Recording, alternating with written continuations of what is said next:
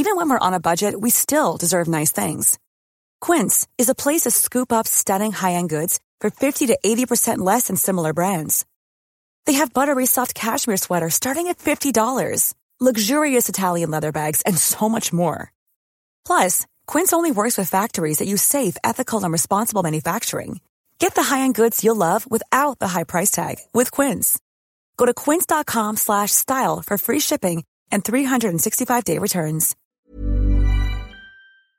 Hej innebandy Sverige! Vilken fantastisk bubbla vi befinner oss i. VM-bubbla. Det sänds matcher på Sveriges Television dagligen. Dam-VM, herr-VM. Ja, kan det bli bättre? Eh, I det här avsnittet har jag med mig Linus Norgren.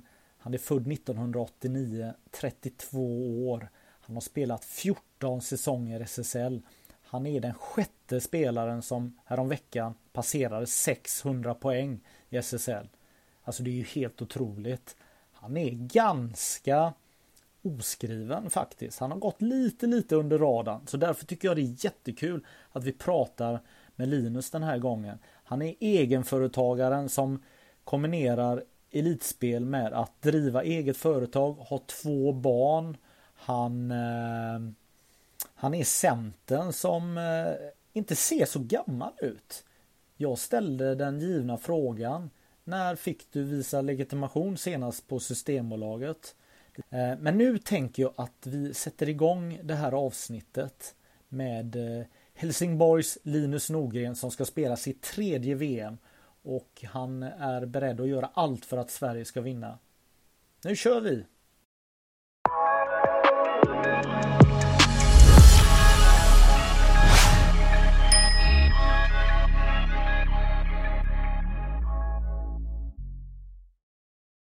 Hälsar jag eh, inte dagens gäst utan avsnittets gäst eh, Linus Norgren eh, välkommen till ja, podden.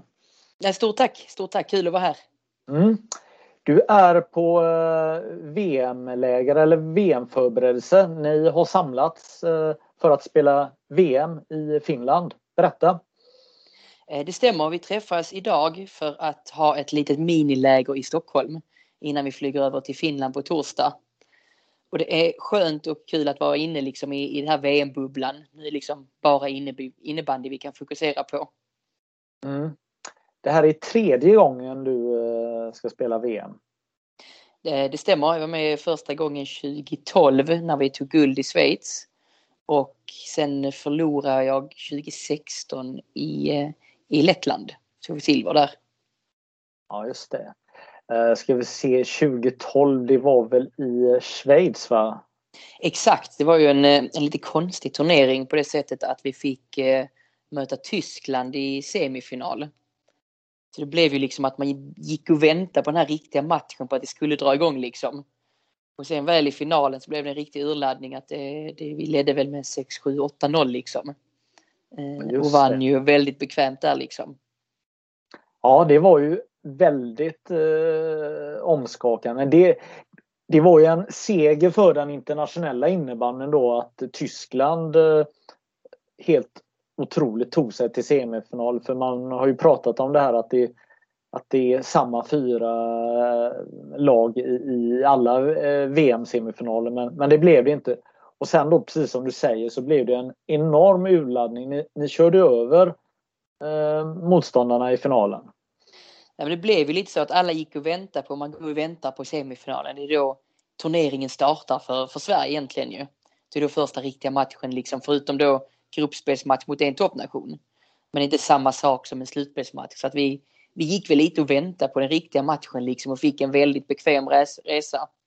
Men jag tror att finnarna hade kämpigt mot Schweiz i kvarten. Jag tror de vann i sadden till slut eller straffar kanske till och med så blev det liksom en rejäl urladdning. Vi gjorde mål i de första tre, fyra bytena tror jag. Ja. Uh, nu uh, tänker jag högt här. Uh, det är ju faktiskt samma förutsättningar som ni går in i den här VM-turneringen som, som det var 2012 för att då hade ju faktiskt Finland vunnit två raka VM-guld 2008 och 2010. Och så var det då VM i Schweiz här då det är ju samma läge eh, precis då som nu. Exakt så är det och, och vi har en härlig känsla här. Det är en, vi har en väldigt, väldigt bra grupp som vi jobbat sen Nordén och Brolle tog över egentligen. Så att eh, vi, vi är rätt så sammansvetsade som lag känns det som och har roligt tillsammans. Så att nu, nu går man bara längta till, till fredag när det börjar egentligen. Mm. Tänker att eh, de här sista dagarna innan ni samlades måste ju varit ganska intensiva med du har barn, du, har ett arbete och ja, få ihop allt innan man lämnar eh, verkligheten, eller? Ja men så är det verkligen. Det blev liksom en, en annorlunda vecka. Vi var iväg på VM-läger för, för två veckor sedan nu i Tylösand. Där vi var och hade gått liksom, vi bor på ett sparhotell, får lagad mat och man lever verkligen som ett, som ett proffs liksom. Eh, inne i VM-bubblan redan där nästan. Och sen kommer vi hem så skulle vi åka till Hagunda på, eller Uppsala då på tisdag och spela en bortamatch liksom och komma hem sex på morgonen, gå upp och jobba igen in i verkligheten. Och sen då förbereda allt med framförallt jobbet och familj då att ska vara borta i två veckor liksom borta från arbete och, och allt som ska göras i hemmet liksom och hjälpa till så mycket, så mycket man kan med det väl innan man åker bort. Mm. Så att det blev en intensiv vecka. Mm. Hur är det då att eh, tackla, alltså väldigt många av er som, eh, som spelar i landslaget är ju inte heltidsproffs. Alltså man, man, man har ju någonting vid sidan av. Man har ett arbete, man, man gör saker. Men under VM så är ni ju eh, innebandyproffs. I vanliga fall är man ju van att ha många bollar i luften. Men hur tar man igenom, alltså hur, hur genomför man en VM-turnering så att det är ungefär som normalt? Um, nej men det som, det som jag har gjort egentligen är att jag förberett så mycket som möjligt så att jag, jag slipper jobba när jag är borta. Och så tar jag igen det när jag kommer hem istället. Jag har eget företag och har, har möjlighet att göra så. Uh, men å andra sidan så är det inget som kommer, ingen som kommer göra mitt jobb åt mig. Men samtidigt känner jag lite att när vi är iväg på VM, liksom det, det är tio dagar det handlar om. Då får vi göra det bästa för att förbereda sig. Det är svårt att, att springa och tänka på jobb och sen spela en VM-final någon, någon timme senare liksom. Eh, så jag har förberett så mycket som möjligt så att jag ska kunna släppa det. Ja. Eh, jag spelade in en podd med eh, Åsa Kotten Karlsson för några dagar sedan och då berättade jag för henne att när jag brukar prata med spelare i herrlandslaget efter en VM-turnering så pratar de också om hur mycket bättre de har blivit i pingis. Vad, är det en syssla som ni kommer ha under den här fria tiden när, när ni inte gör så mycket? Eller vad, vad gör ni på tiden som inte har med själva matcherna att göra? Eh, ja men det är absolut, det är mycket pingis, mycket tävlingar, tv-spel och, och framförallt i år kommer det vara lite extra mycket med tanke på pandemin som fortfarande finns liksom. Vi kommer inte kunna gå runt på stan hur vi vill och vi kommer hålla oss rätt så isolerade inom laget för att undvika att någon blir sjuk helt enkelt. Mm. Eh, så därför kommer hotelltiden bli mer i år än tidigare VM kan jag tänka mig. Men eh, mycket sällskapsspel och tv-spel och allt, allt möjligt för att fördriva tiden egentligen. Mm. Och ni, det är inte så direkt att ni är fyra stycken eh, som delar på ett hotellrum va? eller hur fungerar det? Två och två bor vi. Så jag sover, med, sover och delar rum med Edling. Ja, är du nöjd med det valet eller? Ja men det är jag. Han, han sköter sig. Ja, är, det, är det så det kommer bli under hela VM? Ja, ja så kommer det bli. Eh, vi har fått det utskickat till oss och i vanliga fall så brukar man byta hotell inför slutspelet i ett VM. Det här året så bor vi kvar på samma. Eh, dels med tanke på smittspridning också, att vi håller oss isolerade på vårt hörn lite liksom. Ja. Eh, vad är det för utmaningar att bo med Edling då? Ja, men framförallt att han är målvakt med allt vad det innebär. Det är illaluktande grejer och det ena och det andra. Eh, men annars så trivs vi bra tillsammans. Vi har ett, ja. par, ett par läger tillsammans. Mm. Och eh, vad, vad kommer han påpeka här dag eh, åtta här? Linus, nu, nu tycker jag att det räcker. Vad, vad kommer han säga då? ja, men det är, jag är väl den slarviga av oss. Han är väl den som håller lite rent på rummet. Jag har ofta mina kläder i en hög och han har lite ordning på oss. Eh, så det är väl där som han kommer ehm, vika mina kläder lite och stryka någon skjorta kanske. Och ta hand om mig lite. Men att gå in i den här eh, bubblan, det är väl helt underbart, eller? Ja, det är jättekul. Man har ju gått och väntat på det här egentligen sen, sen man fick, eh, blev uttagen till VM-truppen. Eh, och det var ju ändå ett tag sedan de ringde. Det var ett tag sedan innan det blev offentligt till och med ju. Och sen dess så går man hit och väntar liksom. Man tänker mycket på det och man spelar i serien men vill inte bli skadad och det är mycket tankar liksom. Och just att gå in i den här VM-bubblan är väldigt speciellt. Liksom, vi får testa på att leva, leva som heltidsproffs. Att vi får fantastisk mat, förutsättningar. Vi får liksom bara tänka på innebandy. Allt runt omkring får vi, får vi liksom bli omhändertagna. Och folk som sköter till oss och lagar bra mat och, och allt det här. Mm. Eh, om vi skulle förklara för eh, personer som eh, tittar och lyssnar på det här. Eh, skillnaden eh, om vi skulle ta fotbolls-VM eh, för herrar kontra innebandy-VM eh, så är det lite skillnad. Ni kanske tänker, ser lite långsiktigt flera matcher fram medans eh, i fotbolls-VM så, så kan ju första matchen eh, vara början till slutet om det inte går bra. Förstår du vad jag menar? Alltså varje match ja. är en kamp på liv och död. Ja, och nej, det, jag förstår ja. precis. Vi är ju liksom, vi ska ju liksom, som jag sa innan, att turneringen börjar någonstans i en semifinal. Även om man inte ska gå för långt fram så vi möter finnarna i gruppen på, i andra matchen där också. Och Lettland spelar alltid fysiskt också. Men vi ska ju bara gå vidare från gruppen så är det liksom. Det finns inget annat. Vi ska ju vinna gruppen till och med. Eh, så att vi, utan att titta för långt fram så tror jag nog att både Nordén och Brolle har en plan för hur vi ska genomföra det liksom. Och för att komma så så bra skick som möjligt till semifinalen. Men hur tänker man som spelare då? Ehm, eh, det är i alla fall tre, fyra, kanske fem matcher då som ska spela. Framförallt ett gruppspel så är ju ändå eh, ni går ju vidare ur ett gruppspel, så är det ju. Eh, det mm. kan kännas lite konstigt att sitta och prata om det här men, men att gå vidare, det kommer ni göra. Hur, hur, hur tänker man som spelare? Vad, vad är det man vill uppnå? Vad vill man visa coacherna? Vad, vad vill man uppnå personligt? Eh, nej, men det, som, det som jag vill, man vill gärna gå in med, med bra självförtroende och komma med en, med en bra turnering i ryggen när man går in i semifinal och, och i slutspelet helt enkelt. Man vill liksom ha gjort lite poäng och för egen del så vill jag gjort något mål och någon assist liksom och, och ha en skön känsla. Och att vi som formation har gått bra liksom. Att vi, vi är trygga i det vi ska göra och hittar varandra och har tydliga roller liksom. Men, så att det, det är inte helt oviktigt liksom i gruppspelet utan du vill, du vill ha en skön känsla med dig. Hur är det att eh, representera Sverige som innebandyspelare? Mm. Ja, men det är jättehäftigt. Det är väl det största man kan uppleva. Det är väl någonting som man, som man drömt om sedan man spelade ute på gatan liksom som barn. Så ville man ju dra på sig landslagströjan. Och då får komma hit liksom och alla, alla är liksom superproffs här och, och just åka iväg på ett VM där liksom man verkligen testar hur det är att leva ett proffsliv. Bara det är liksom en upplevelse i sig. Eh, och sen stå där med, på mittplan när nationalsången drar igång. Det är, det är en speciell känsla som, eh, som man önskar alla kunde få uppleva för det är liksom rysningar. Eh, vad är det för eh, skillnad att spela matcher i Finland kontra på andra ställen, exempelvis Sverige? Jag tänker när det är landslaget.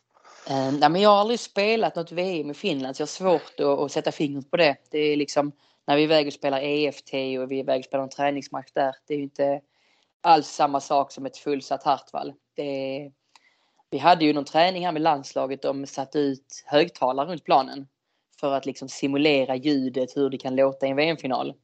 Och det är ju liksom, det går knappt att höra när vi kan inte kommunicera med varandra på plan riktigt. Utan det, är, det blir nog något annorlunda. Mm. Eh, vi ska gå tillbaka och fortsätta prata VM här. Jag tänker att eh, du kan berätta din innebandystory. Eh, du började som femåring eh, ja. och spela innebandy. Berätta! Eh, nej men så är det. Min bror spelar innebandy då. Han är två år äldre än jag. Så jag var väl med han på de flesta träningar i hallen tror jag. Och fick, eh, fick vara med på träningar där helt enkelt. Så jag tror till och med jag spelade min första match som femåring. Eh, I, i Kustanstad nere i Staffanstorp började jag. Och sen, sen spelade vi väl på gatan i stort sett efter skolan varenda dag. Spelade streethockey på med rullskridskor och, och en innebandyklubba. Ehm, oftast så var jag målvakt. Jag ville helst av allt bli hockeymålvakt när jag var liten. Det var liksom det jag ville bli. Så jag i stort sett alltid på med i en plock liksom, eller en keps i handen och hjälm och, och var målvakt. Eh, men vi spelade varenda dag. Vi körde ju seriöst liksom, hade serier och körde olika lag på olika gator och, och allt det här. Men visst är det skitkul att vara målvakt där och ta eh, bollarna och så de här äldre killarna blir helt vansinniga, eller? Ja, men hur kul som helst. Jag, jag vill ju verkligen bli liksom hockeymålvakt. Jag har aldrig spelat hockey ska jag säga, alltså jag är väl alldeles för liten för det också. Men när jag var liksom liten så var det, jag ville bli målvakt, både innebandy och ishockey då. Eh, så jag var målvakt stort sett varenda dag när vi spelade. Mm. Men eh, man får ju blicken för spelet och eh, det är ju ehm, många som har varit målvakter brukar ju vara väldigt skickliga även som utespelare för att man man, man hur ska man förklara? Ja, man har bra koll helt enkelt. Eh, ja men så är det säkert. Jag tror även det hjälpt mig lite i, i volleyspelet att man vill liksom ha bra koll på det och liksom bra, bra, bra öga för var bollen ska komma någonstans. Mm. Så det tror jag hjälpt mig lite där faktiskt. Ja, Stans, är ju ett eh, riktigt så här klassiskt, eh, vi som är lite äldre eh, känner ju till Stansta som en väldigt bra ungdomsklubb som gjorde jättemycket bra ifrån sig. Många turneringar förr. Ja men så var det verkligen. Jag kommer ihåg när jag var, när jag var barn. Vi gick ju liksom varje, varje hemmamatch de spelade så var det ju fullsatt då i Bråkshallen. Satt en 300-400 och tittade liksom. Och det var ju, jag tror att de har, vi har något SM-guld med 83orna och 85orna till och med. Det var ju Peter Ramsten, Peter Persson, Magnus Anderberg och många, många mm. som senare gick vidare till Helsingborg i Superligan. Ehm, så det, det var många, många idoler att ha där. Ja, jag minns eh, Peter Persson här. Vi, det var någon turnering i Båstad så tog vi en bild eh, och publicerade i, i tryckta tidningen när han gick och käkade en korv med bröd. Det tyckte han var lite eh, jobbigt. Nej, det var nog inte så farligt men, men han fick lite gliringar kanske för det. Ja, nej, men klassiska spelare. Mm. Eh, jättekul. Vad, din mamma och pappa har eh, stöttat under hela karriären och eh, varit så här fantastiska med hejaklackar på matcher och eh, skjutsat och hela den här biten. Men din pappa har också varit tränare för det eller? Ja men precis. De har alltid, alltid skjutsats mellan hallar, ställt upp. Det var liksom Spelade vi streethockey på gatan så lagade de bullar till oss liksom och körde mellan hallar och mellan matcher och alla aktiviteter. Och pappa var tränare under hela min ungdomstid egentligen. Eh, så de har betytt jättemycket för, för min, att jag liksom ska, ska trivas och min framgång. Eh, och även på äldre dagar så pappa och mamma missar inte många matcher idag heller. Det, det ska mycket till för att de missar en match. Ja. Eh, och det stödet är någonting som jag, jag vill ge tillbaka till mina barn liksom och känna det och verkligen ha med sig. För det har betytt jättemycket. Ja. Men hur, hur ser ett samtal ut när, om din pappa ringer till dig eh, på bussen hem efter en, en bortamatch. Vad, vad vill han veta om han inte har sett den som han nu idag kan göra? Mm. Men vad, vad vill nej, han veta?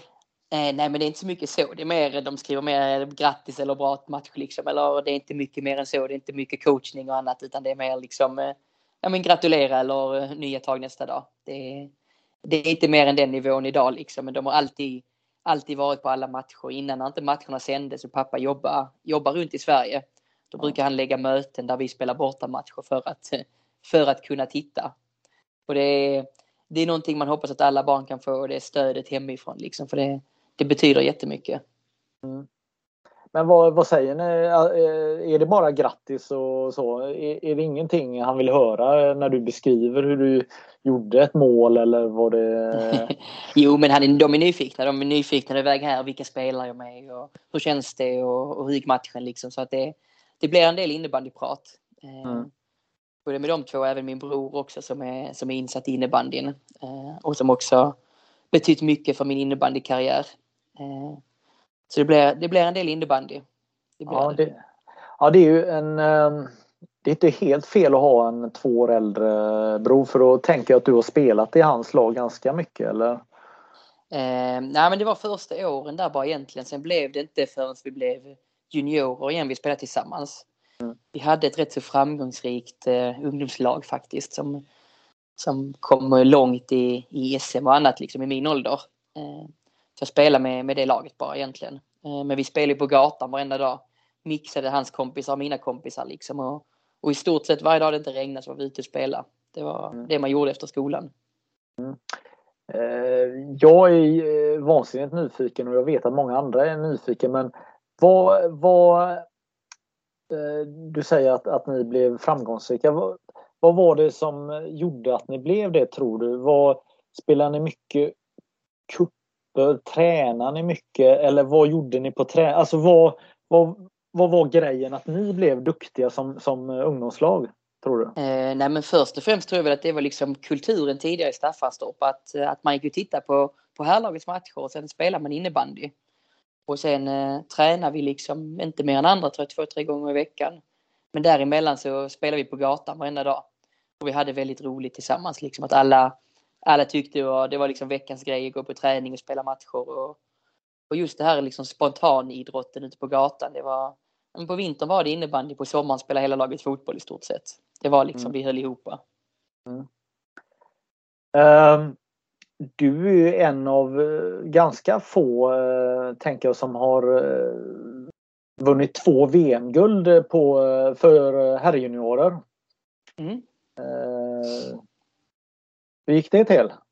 Eh, nej men så är det. Jag blev, eh, jag blev uppflyttad i Stanstas A-lag när jag var, det var 16 eller däromkring liksom. Och då eh, från ingenstans egentligen så ringde, ringde förbundskaptenen från U19 och sa att han ville ha med mig på ett eh, läger för U19-landslaget. Och jag visste väl ingenting om det liksom. Jag kände ingen där och hade inte hört man kunde vara med där egentligen ens. Så att jag var med, eh, jag tror det var 05 i de som är två år äldre först. Och fick vara med och vinna där. Och sen även då i min egen ålder två år senare. Ehm, så att det var hur det gick till vet jag exakt inte. Det var väl att jag kom upp i Stansas A-lag då som spelade i division 1 som det hette då, allsvenskan idag. Och gjorde, gjorde det okej okay där. Så jag fick, eh, fick möjligheten att vara med och det var en upplevelse liksom. Det var, jag visste ju ingenting om de andra spelarna, aldrig sett eller mött dem liksom och var lite yngre än alla, rätt så försynt när jag var yngre.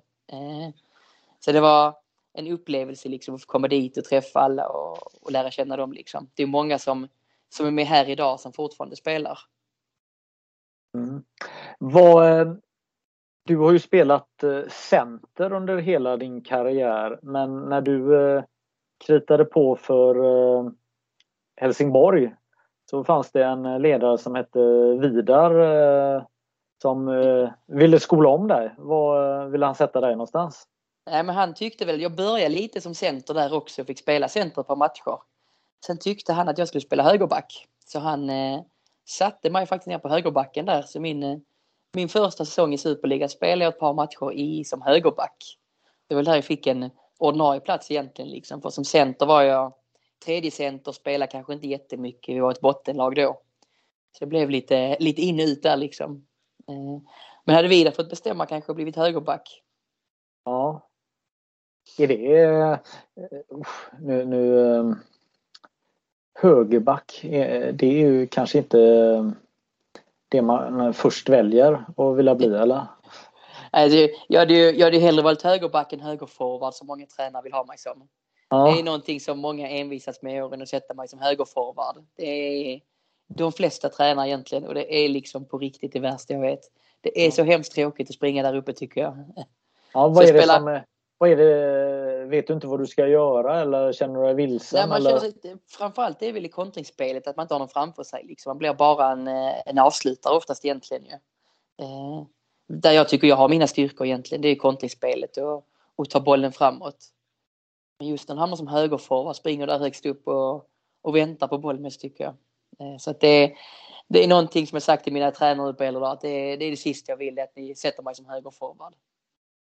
Jag tycker det låter helt fantastiskt. Högerforward, sticka på djupet. Bara... Sticka, sticka och fiska lite och bara ja. sticka fram. Ah, nej, det jag har testat det jag, jag har testat allt för många gånger. Det är många tränare som velat göra mig till högerforward. Varför tror du det då? Eh, ja, det brister i försvarsspelet kanske. Nej, men jag, jag var ju lite snabbare förr och, och sprang mycket liksom. Eh, så det är att det passar bra i ett styrspel. Mm. Det, Eh, mm. Eh, samma Vidar Jonsson, eh, Wallin heter han väl nu också. Ja, han eh, tycker att du har unik snabbhet, teknik och eh, beslutsfattande. Eh, ja, du, du är otroligt eh, snabb i allt du, gör menar han på. Är det det som är din styrka som eh, spelare eller vad tänker du? Eh, ja, men det skulle jag väl säga att jag kan göra allting. I, jag har rätt så bra teknik att kunna göra det i hög fart liksom. Eh, så att, och det är någonting jag tror jag fått med mig från när vi spelar på gatan varenda dag. Vi spelar med, med rullskridskor och det går ju lite snabbare. Så att hela tiden få blicken uppåt och, och ta med sig bollen när det studsar lite i hög fart. Mm. Det är väl det man fått med sig därifrån tror jag. Och det är någonting jag, jag har med mig fortfarande idag, att hela tiden försöka ha, ha blicken uppåt och ligga ett steg före. Mm. Eh, för du ser inte ut som en center egentligen, eller? Ja, det vet jag inte hur den klassiska centertypen är, men jag tycker väl att jag spelar som en, som en klassisk center. Jag tar liksom, framförallt i kontringsspelet tycker att det kommer rätt till där. Eh, där jag egentligen tycker jag har mina mesta styrkor, det är ju i kontringsspelet. Att där tycker jag kommer, kommer helt rätt när jag är center, att jag har forwards framför mig och, och kan driva bollen framåt. Eh, du har ju spelat i eh, Helsingborg nu i eh, vad är det, 14 säsonger. Mm, mm, Eh. Ni, ni har ju aldrig, ni har aldrig spelat en SM-final. Ni, ni har eh, aldrig vunnit eh, grundserien. Alltså, vad jag ville komma till är att, att, att du har ju aldrig spelat i ett sånt här solklart eh, topplag. Typ Falun, Storvreta. Hur, hur, hur är det? Vilka utmaningar ställs man då kontra om man spelar i, i, Storvreta och Falun då som, som har gått som tåget i slutspel och eh, ofta tar sig långt på säsongen. Eh, framförallt så blir varje match mycket viktigare. Lite som landslaget i fotboll, liksom, att de, de måste vinna sina matcher. Vi har ju sen jag kom egentligen legat och pendlat mellan plats 11 till, till 5 liksom. Och där varje match blir så mycket viktigare i grundserien. Vi har inte, vi har inte råd att börja laborera liksom och testa, testa spelsystem och testa spelare liksom, utan det, det måste sitta. Vi måste, måste vinna rätt matcher liksom. Um, så det är väl den största skillnaden kan jag tänka mig. Nu har jag aldrig spelat i ett topplag som du säger, så det, det är bara det jag kan tänka mig. Att vi, alla matcher blir så mycket viktigare för oss. Vi har inte råd att ha en svacka och förlora fem sex matcher för att vi testar grejer liksom. Utan vår, vi måste vara lite bättre i början av säsongen än de, de självklara lagen måste vara som kan kanske formtoppa sig lite mer när det, det blir mars-april här.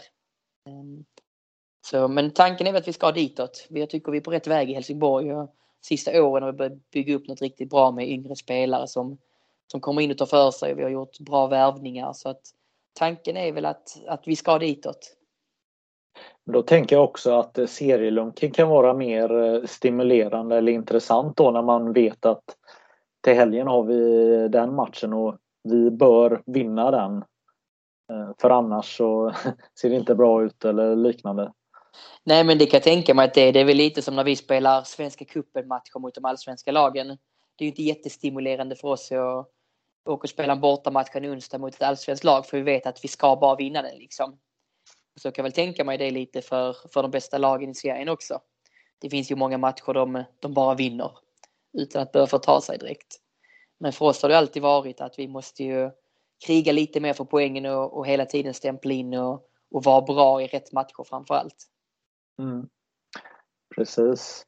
Vad, eh, hur ska jag säga det här? Men du har ju ett väldigt ungdomligt utseende. Du, du ser ju ganska ung ut. Eh, när eh, du kanske inte går och handlar på Systembolaget eh, varje dag men när fick du visa legitimation senast? Jag har ju en, jag har ju två små barn hemma. Så jag skulle åka och köpa, de, var, de är ju två och fyra som har ju varenda förkylning man kan ha nu egentligen. Så jag skulle åka och köpa lite, lite Alvedon till dem och min sambo som är hemma sjuk också. Och då fick jag visa lägg för att eh, köpa Alvedon. Det, jag tror det är 15-årsgräns på det. Så att eh, Okej. det händer. Det händer. Jag har ju inte en, en basröst direkt heller som, som berättar att jag är äldre än att jag är 32 liksom. Så Nej. att det, det händer med jämna mellanrum att, det är så? ja, ja det, det är definitivt. Ja. Vad, och du har inte kört det här tricket med skägg eller någonting eller har du inte den jag har, växten? Jag har, en, jag har en hemsk skäggväxt. Den är, den är svart och obehaglig så jag, jag rakar det i stort sett varenda dag. Den är, den är hemsk. Ja, ja. Vad, du, apropå ingenting, varför måste du ha matchtröjan på dig på uppvärmningen? Um, ja, det vet jag inte. Det har nog bara blivit en, att jag haft det. Uh, nu har jag väl inte det, den, det nu vill de vi har uppvärmningströjan på. Men det som du säger att jag, jag brukar ha det, det är väl för att slippa byta bara. Bekvämlighet. Ja, så ja. enkelt är det. Det är ja. ingen vidskeplighet eller så utan det är liksom bara, eh, bara ha det liksom. Ja. Har du några andra sådana här uh, saker som du måste göra inför en match eller ja, Uh, nej, egentligen ingenting. Inget sånt att jag måste knyta vänster sko först eller inget sånt alls liksom utan det är inget, inga, inget alls. Nej. Jag tycker det är väldigt intressant att du är egen företagare. Kan du berätta hur du eh, kombinerar ditt eh, arbete med eh, din innebandykarriär och vad är det du gör för något? Mm. Nej, men jag startade ett företag 2019 där vi där vi numera tillverkar och säljer vattenfelsbrytare. Och det är väl egentligen som en jordfelsbrytare fast med vatten, att får du en vattenläcka då larmar den och berättar att du har en läcka och den stänger ditt vatten i huset. Så istället för att du kommer hem och, och hittar vatten till knäna så, så är vattnet stängt och har en notis i telefonen att du har en vattenläcka. Ring rörmokaren. Um, så det har jag jobbat med egentligen i många års tid och nu på jag för ett par månader sedan bara börjat tillverka en egen som jag idag säljer och installerar då. Um, och det, ja, det är någonting, liksom, det passar bra med innebandyn att ha eget för jag kan styra mina egna tider lite. Ehm, så att jag, jag försöker idag som det är att min, mina dagar är väl att jag försöker sluta vid tretiden redan faktiskt för att hämta tjejerna på förskolan så jag hinner träffa dem lite innan träning. Det blir det är svårt att kombinera jobb och familj och innebandy om du har har heltidsjobb. Det blir ju hemskt långa dagar och du träffar ju barnen sällan. Så att som det är idag så börjar jag tidigt och försöker sluta runt tretiden och sen, eh, sen jag har färdigt det på kvällen som jag inte hunnit med på dagen helt enkelt. Mm. För att kunna umgås lite med dem också och få ihop familjelivet helt enkelt. För era, eh. för era träningar är väl ändå relativt sent eller när har ni era normala träningar med Helsingborg? Normalt så är det mellan halv sex och sex vi träffas varje dag egentligen. Um, så är det normala tiden. Så att en normal dag så åker vi jobba, nu åker vi vid sju, åtta någon gång, jobbar till, till tre. Så åker och hämtar tjejerna på förskolan och, och spenderar två timmar med dem eh, innan jag, jag byter av min sambo i dörren egentligen. Vi säger hej till varandra och, och jag åker och tränar och sen, eh, sen är det kväll. Mm. Eh, ganska svårt att kompensera sin eh, sambo här med allt vad hon ställer upp med eller? Ja men så är det verkligen. Det, det funkar inte att ha en elitkarriär och barn och familj och, om du inte har en, en sambo som är grym helt enkelt. Det tror jag alla här i landslaget kan intyga att alla, alla som har barn framför allt. Där är någon som, som hjälper dem extremt mycket hemma liksom och tar hand om, om barnen och när vi är borta här två veckor liksom och, och allt däremellan också. Så jag tror mm. nog att eh, alla här kan skriva under som har barn att de eh, ens respektive gör otroligt mycket där hemma. Mm. Eh, fram till förra veckan så var det fem stycken SSL som hade gjort 600 poäng i seriespel. Men nu är det sex stycken och Linus Norgren är en av dem. Hur gick det här till? Eh, lång och trogen tjänst väl framförallt. jag har spelat i många år men det som hela tiden definierat mitt spel är att när jag, när jag spelar bra så gör jag poäng. Eh, gjort väl både lyckats göra mål och assist. Liksom, så att det är väl hela grejen att jag är en poängspelare. Det tycker jag lite att känna själv. Att när jag är som bäst så gör jag mycket poäng. Det är liksom, alla har olika roller i ett lag och min är ju att jag ska, jag ska vara en poängspelare. Mm. Men det, det är som du säger, det är bara fem tidigare än mig och när man tittar på, på vilka namn det är som är på listan så får man nästan nypa sig lite i armen. Det är, det är nog någonting jag kommer att titta tillbaka till den dag man slutar och, och vara otroligt stolt över. Hur ser ett klassiskt mål eller poäng ut eh, från Linus Norgren? Ett klassiskt poäng skulle nog vara att vi får en kontring. Jag driver upp bollen i mitten och spelar ut till högerforward som, som skjuter direkt. Det är nog det klassiska poänget. Ehm, det är väl så de flesta poäng går till. Eller, eller står ute på högerkanten och letar, letar instick i mitten. Det, mm. det är nog så jag gör de flesta av mina poäng tror jag. Mm. Okej, okay. vi gör två fullfrågor här. Kommer du ihåg ditt första poäng och vilket är det snyggaste målet eller godaste målet som du har gjort? Um, mitt första poäng kommer jag faktiskt inte ihåg. Jag kommer ihåg min första match jag spelade. Vi hade en, eh, en tuff bortamatch mot Pixbo. Uh, första poänget kommer jag faktiskt inte ihåg. Uh, skönaste målet jag gjort det är väl, eh, det är väl i VM-finalen 2012. Även om det var, det var 6-0 målet så liksom det, det, är en speciell känsla att ha gjort mål i en VM-final och det är liksom något helt annat än en grundseriematch. Och jag har aldrig fått chansen ännu att spela en SM-final men det, det, är väl det som hade slagit det i sådana fall. Mm. Mm. Snyggaste målet, jag har um, något volleymål, en gammal TV-match. Det var, då var det inte så många matcher på TV som sändes ju. Då var det något på TV4 Sport där det är Danne som skickar långboll över hela plan. Jag slog in den på volley. Det är nog ett av de, ett av de snyggare i alla fall. Ja, det var lite ännu mer prestige att lyckas i de matcherna då eller? Ja men så var det. Förr så sändes ju var det en match i veckan på sin höjd. Så man, man hade ju en två, tre TV-matcher per år kanske.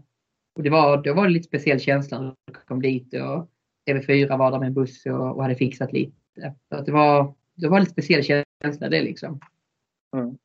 Okej, okay, om vi ska prata VM här uh, nu. Hur... Uh, vad är det ni behöver lyckas med i Sverige för att, eh, att besegra Schweiz, Tjeckien och Finland?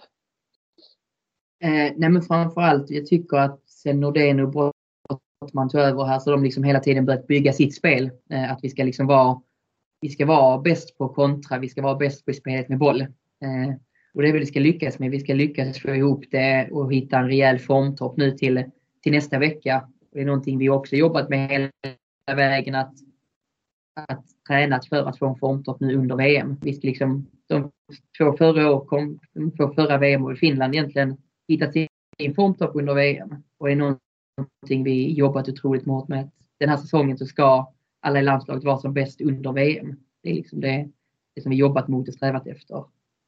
Eh, och sen är vi, sagt, som jag var inne på lite innan, att det är, en, det är en härlig grupp att vara i. Du mår bra här liksom och du får vara dig själv och du trivs med, med alla här. Mm. Så att, vi ska ha roligt tillsammans också. Det är, det är få förunnat att spela ett VM. Är, vi ska njuta när vi är där också. Mm. Eh, vad är det, hur, brukar ledarna beskriva Finland exempelvis? Alltså vad, vad är det vad är det klassiska att man ska se upp med eh, vad de håller på med? Eh, nej men det är att vi ska vinna kontringsmatchen. Det är väl det klassiska. Tittar man på, på föregående VM-finaler så de som vunnit det är de som är bäst i special teams eller kontrat bäst. Det är liksom små, små detaljer det avgörs på. Det är så pass jämnt på, på högsta nivån liksom bland de fyra bästa att det är, det är detaljerna som kommer att avgöra. Det gäller att, att ha ett bra powerplay, ha ett bra boxplay liksom och, och kontra lite bättre ändå. Att alla lag är så bra så att det görs inte jättemånga mål i 5 mot 5 uppställt. Mm. Vad är det ni måste... Vinna de matcherna. Ja. Vad är det ni behöver vara bra på då i det här kontringsspelet? Är det att vara bra placerade när situationerna uppstår eller är det är det att bolltransporten ska gå snabbt vidare eller vad, vad är det som är nyckeln med bra kontringsspel? Då? Eh, nej, det är väl alla faser egentligen. Framförallt är det första och andra passen att ta sig ur situationer. Och det klassiska är väl att, att man vinner boll i eget hörn. Vi jobbar mycket med hur kommer vi därifrån. Det är liksom det farligaste också är när man tappar boll i en kontring. Så att det är liksom vara väldigt noggrann där med första och andra pass. Hur, hur tar vi oss ur därifrån? Och sen när vi väl är ute där och kommer i en 3 mot 2 så är alla spelare här så pass bra och skickliga så att det är liksom ett jättebra läge för att göra mål. Mm. Eh, Finland har ju många gånger fokuserat mycket på Sverige och eh, laborerat om och ändrat och hållit på med väldigt mycket olika saker. Hur, hur är det att möta motståndare när man, eh, som uppträder så? Eh, nej men det är roligt. Det vet vi från, från gång till gång att de kommer inte spela likadant. Och antagligen så har de inte visat ut, precis som vi också inte har spelat ut alla våra kort i träningsmatcher inför en VM-final. Utan eh, det är alltid någonting nytt liksom och det gäller där att ligga steget före. Eh, och även då Brolle och Nordén liksom ligger också steget före där i sin match i matchen. Att vi har inte spelat ut alla våra kort heller utan det var som bäst eh, när det väl ska avgöras. Eh, vem har bäst koll på vem? Alltså har finnarna bättre koll på SSL och svenska spelarna eller tvärtom? Tänker du? Oh, det är nog ingen aning. Jag vet inte alls hur mycket finnarna tittar på SSL, men jag kan ju bara svara för mig själv att man sitter ju inte och kollar på någon match i finska ligan direkt, utan vi möter dem i landslaget. Sen vet man inte vilka många andra är egentligen. Sen vet jag inte hur mycket de tittar på oss. Det har jag dålig koll på, men jag har, kan inte säga att jag har bra koll på Finland direkt. De spelare som inte är med i landslaget. Nej. Jag tänker 14 säsonger i SSL. Då har ju du bra koll på eh, motståndarlagen och spelarna. Så man, du vet ju ganska mycket om, eh, om eh, spelarna och eh, allt. Hur är det då att spela en, en VM-turnering när man inte har riktigt samma stenkoll på exakt vad, hur motståndarna agerar? Eh, nej, men även, inte, även om vi inte har mött, eh, eller inte jag har mött dem, så får vi alltid innan matchen, vi får ju rejäla scoutingrapporter. Vi går inte in och, och hoppas att de ska göra si eller så, utan det kommer en rejäl genomgång kvällen innan eller veckan innan. Det är så liksom att vi kommer vara, nog ha ungefär koll på hur alla spelar. Eh, jag vet ju att Sverige lägger ju enormt mycket tid på att scouta andra också liksom och, och hitta sätt att såra dem på. Så att även om inte man möter dem lika ofta som SSL-spelarna så, så har vi nog rätt bra koll på dem tror jag. Mm. Eh, sen en annan sak som skiljer sig lite SSL mot eh, internationell eh, innebandy, typ VM, det är ju spelet och domarbedömningarna. Det, det, är ju ganska, det släpps ju på väldigt mycket i, i, i de här avgörande slutspelsmatcherna i ett, i ett VM-slutspel, eller hur?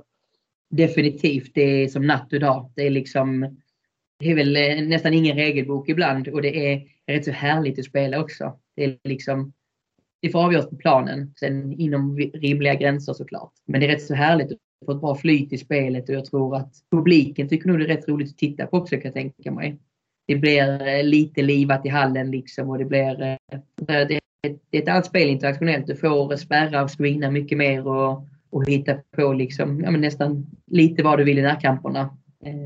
Eh, det blir på höjd ett frislag. Det ska, det ska mycket till för att bli en utvisning i, i semifinal, final tror jag.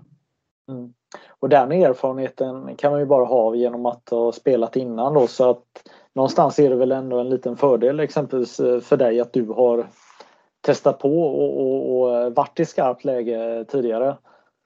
Eh, så är det. Och eh, hela grejen runt omkring också, att man gjort en VM-final. Det är liksom mäktigt att bara komma in i en fullsatt ishockeyhall.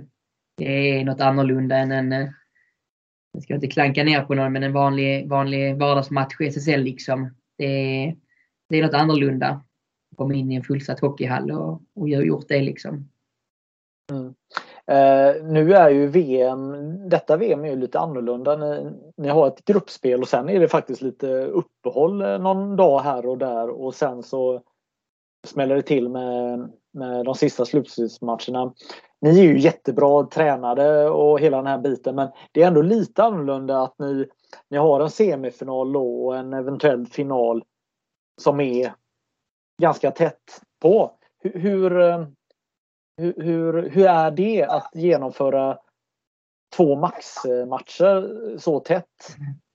Ibland kanske Nej, så är det. Men, Eh, så är det. Vi tittar precis på schemat här faktiskt. Och det är ju liksom mindre än 24 timmar mellan semifinal och final. Men det som är att det är lika för alla. Det är liksom inte bara vi som har tajt med tid att återhämta oss. Och vår tanke är att vi är bättre tränade än de andra lagen också. Eh, så att vi kommer faktiskt gynnas av det hoppas jag.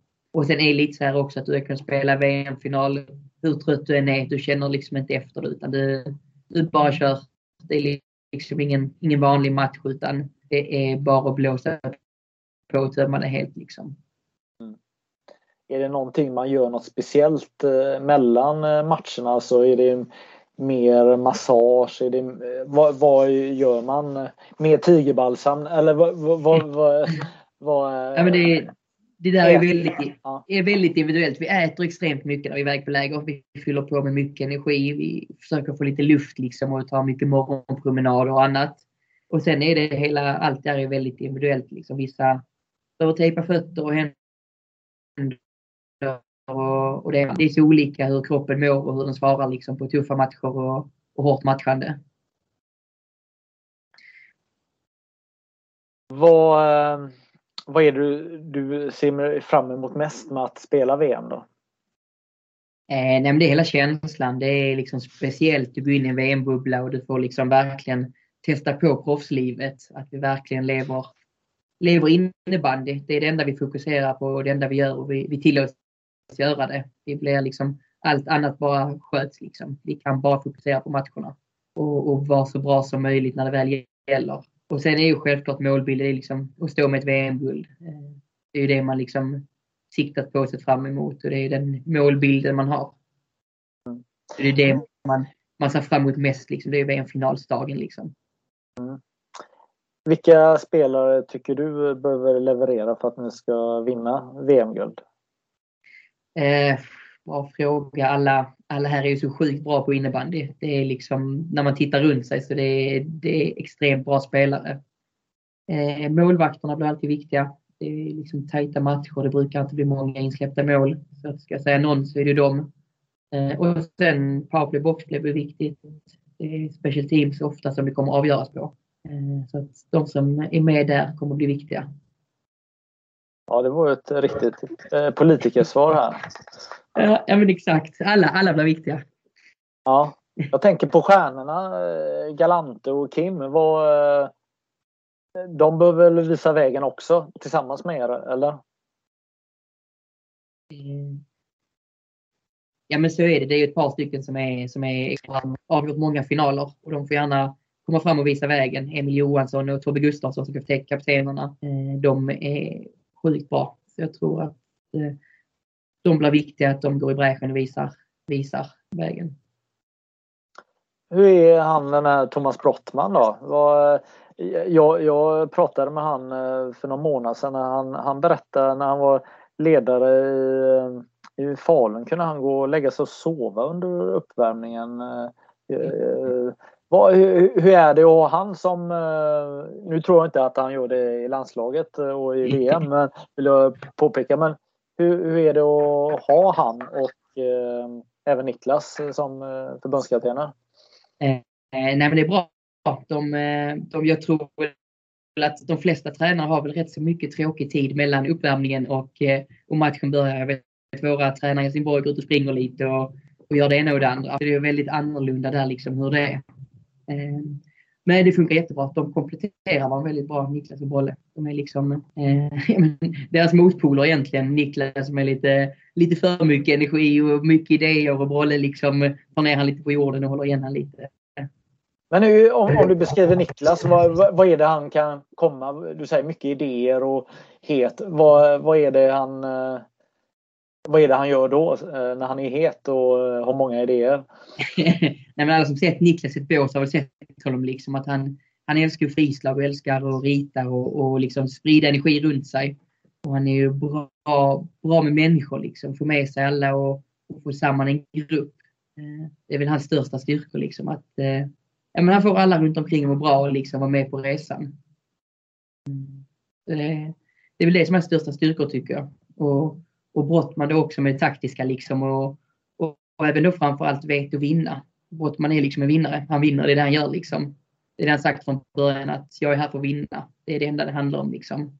Och liksom förmedla den känslan och, och liksom få in vinnarkulturen i gruppen. Det är svårt att sätta fingret på det liksom, men det får en känsla liksom att man är en vinnare när man tränas av dem. Mm. Eh, de senaste VM-turneringarna har ju varit väldigt eh, tajta. Det har ju varit eh, oerhört tajt eh, även i semifinalerna har det ju varit eh, mot Schweiz ett par gånger och, eh, och även VM-finalerna här. Det, det, är ju det är inte helt säkert att, att Sverige spelar VM-final, eller? För oss som är här så är det helt säkert. Det är, liksom, det är inte bara spela final, vi ska vinna final också. Liksom. Det är någonting vi jobbat mot under hela året egentligen. Men det är tajt och det gäller att vara bäst när det gäller. Liksom. Det du säger att det är framförallt fyra lag som är väldigt bra. Jag tycker väl Tjeckien är verkligen på, på frammarsch också och, och gör mycket rätt saker. Det, det tajtar till sig. Mm. Ja, men de eh, importerna, en del tjecker har ju gjort bra ifrån sig de senaste åren i SSL bland annat, eller Ja men verkligen. Det är ju någon i Kalmarsund som är riktigt bra och, och spelar deras första femma och, och leder dem många matcher. Att de, de har tagit för sig och, och gör bra saker internationellt också. Mm.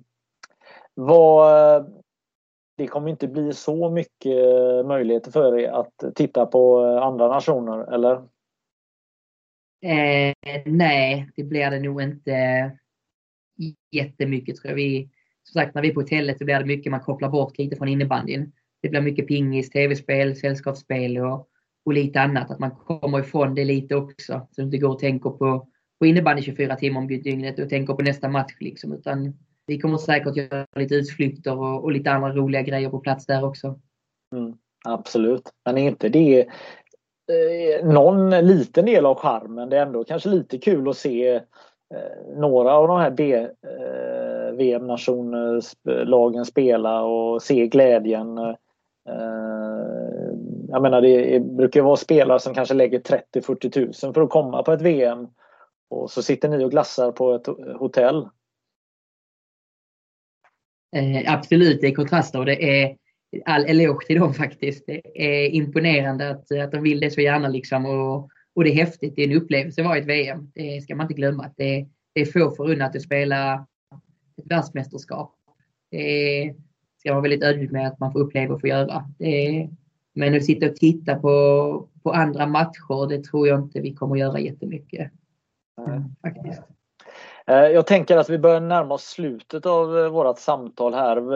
Eh, men jag har några avslutande frågor. Hur tycker du att den här hösten har varit? Det har varit ganska intensivt med mycket landslagsverksamhet, Svenska kuppen och vad är det, tio omgångar ni har, hunnit med ungefär? Va? Mm. Ja, men något sånt. Eh, det har varit extremt intensivt. Jag tror vi fick ut den eh, när vi kom tillbaka från egen träning i augusti fick vi liksom ett schema då fram till jul egentligen. Och tittar man då på det schemat så hade vi landslagsspelare inte en enda ledig helg fram till jul. För att det har blivit lite för mycket nästan. Det liksom har blivit väldigt intensivt och, och lite på gränsen till för mycket för de som gick långt i kuppen framförallt då ju. Eh, damerna håller ju på eh, nu med sin eh, VM-turnering. Det är ju lite annorlunda att eh, att de spelar nästan parallellt med er eh, eller precis före. Och, ja, eh, har, har, du följt eh, någonting eh, vad tjejerna har gjort? Eh, ja men absolut. Vi satt här och tittade precis när de slog, slog finnarna. Och vi får inspireras av dem. De ser starka ut och, och det är kul att se liksom publiken där och det är bra tryck i, i, på ett hemma-VM. Liksom. Eh, så att vi, vi inspireras av dem. Mm.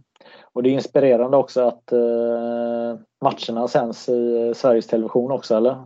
Ja, ja men absolut. Och bra sändningar också, bra experter. Och, och det här, det, kommer, det är samma produktion som, som vi kommer att se misstänker jag. Mm. Mm. Och det är roligt att allmänheten kan se när vi spelar, kompisar, familj och vänner liksom, som inte åker över till Finland kan sitta och titta också. Mm. Ja men vad härligt. Eh, hur, vad händer nu efter eh, du och jag pratat här? Då, eh, då varvar du ner lite, ni ska borsta tänderna, gå och lägga. Vem, vem, kommer, vem borstar tänderna först? Vem, vem gör avslutningen? Går du och lägger det tidigare än din Nej, nej men det, det är, är, är egentligen den äldsta av oss. Han går och lägger sig tidigt och somnar vid nio hemma egentligen. Så att just nu är han lite sur på oss för att vi är efter hans läggdagstid. Ja, det är så. Han vill, han vill gärna släcka lampan nu. Ja. Vad, har, ni, har ni någon eh, läggtid? Ni, ni, måste, det måste vara släckt eller så att någon knackar och går runt eller hur fungerar det?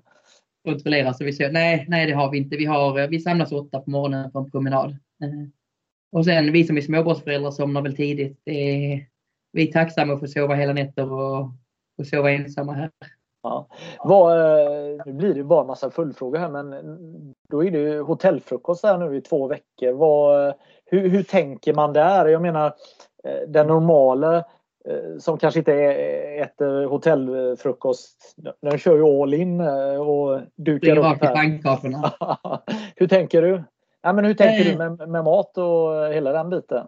Nej, men vi får ju extremt mycket mat här så att det sista man oroar sig är att man man går hungrig någon gång. Vi äter något så extremt mycket iväg. Det är liksom men det är väl tre, tre middagar per dag i alla fall. Liksom. Och frukost och mellis och återhämtningsmål. Och, det är nästan så att du inte vaknar upp hungrig när du är här. Det är liksom konstant mat. Ja, ska vi avsluta med ordet hungrig för att du är jättehungrig på att vinna det här eh, VM-guldet eller? snygg övergång. Ja men absolut. Det, det ska bli riktigt kul att det drar igång nu liksom. Man har gått och väntat ett tag här som sagt. Och, och nu ska det bli, det blir skönt när första matchen drar igång. Det är någonting vi längtar efter. When you make decisions for your company, you look for the no-brainers. And if you have a lot of mailing to do, stamps.com is the ultimate no-brainer. It streamlines your processes to make your business more efficient which makes you less busy. Mail checks, invoices, legal documents, and everything you need to keep your business running with Stamps.com. Seamlessly connect with every major marketplace and shopping cart. Schedule package pickups and see your cheapest and fastest shipping options from different carriers. With rates up to 89% off USPS and UPS rates. And with the Stamps.com mobile app, you can take care of mailing and shipping wherever you are. Make the same no-brainer decision as over 1 million other businesses with stamps.com. Sign up with code program for a 4-week trial plus free postage and a free digital scale. No long-term commitments or contracts. That's stamps.com. Code program.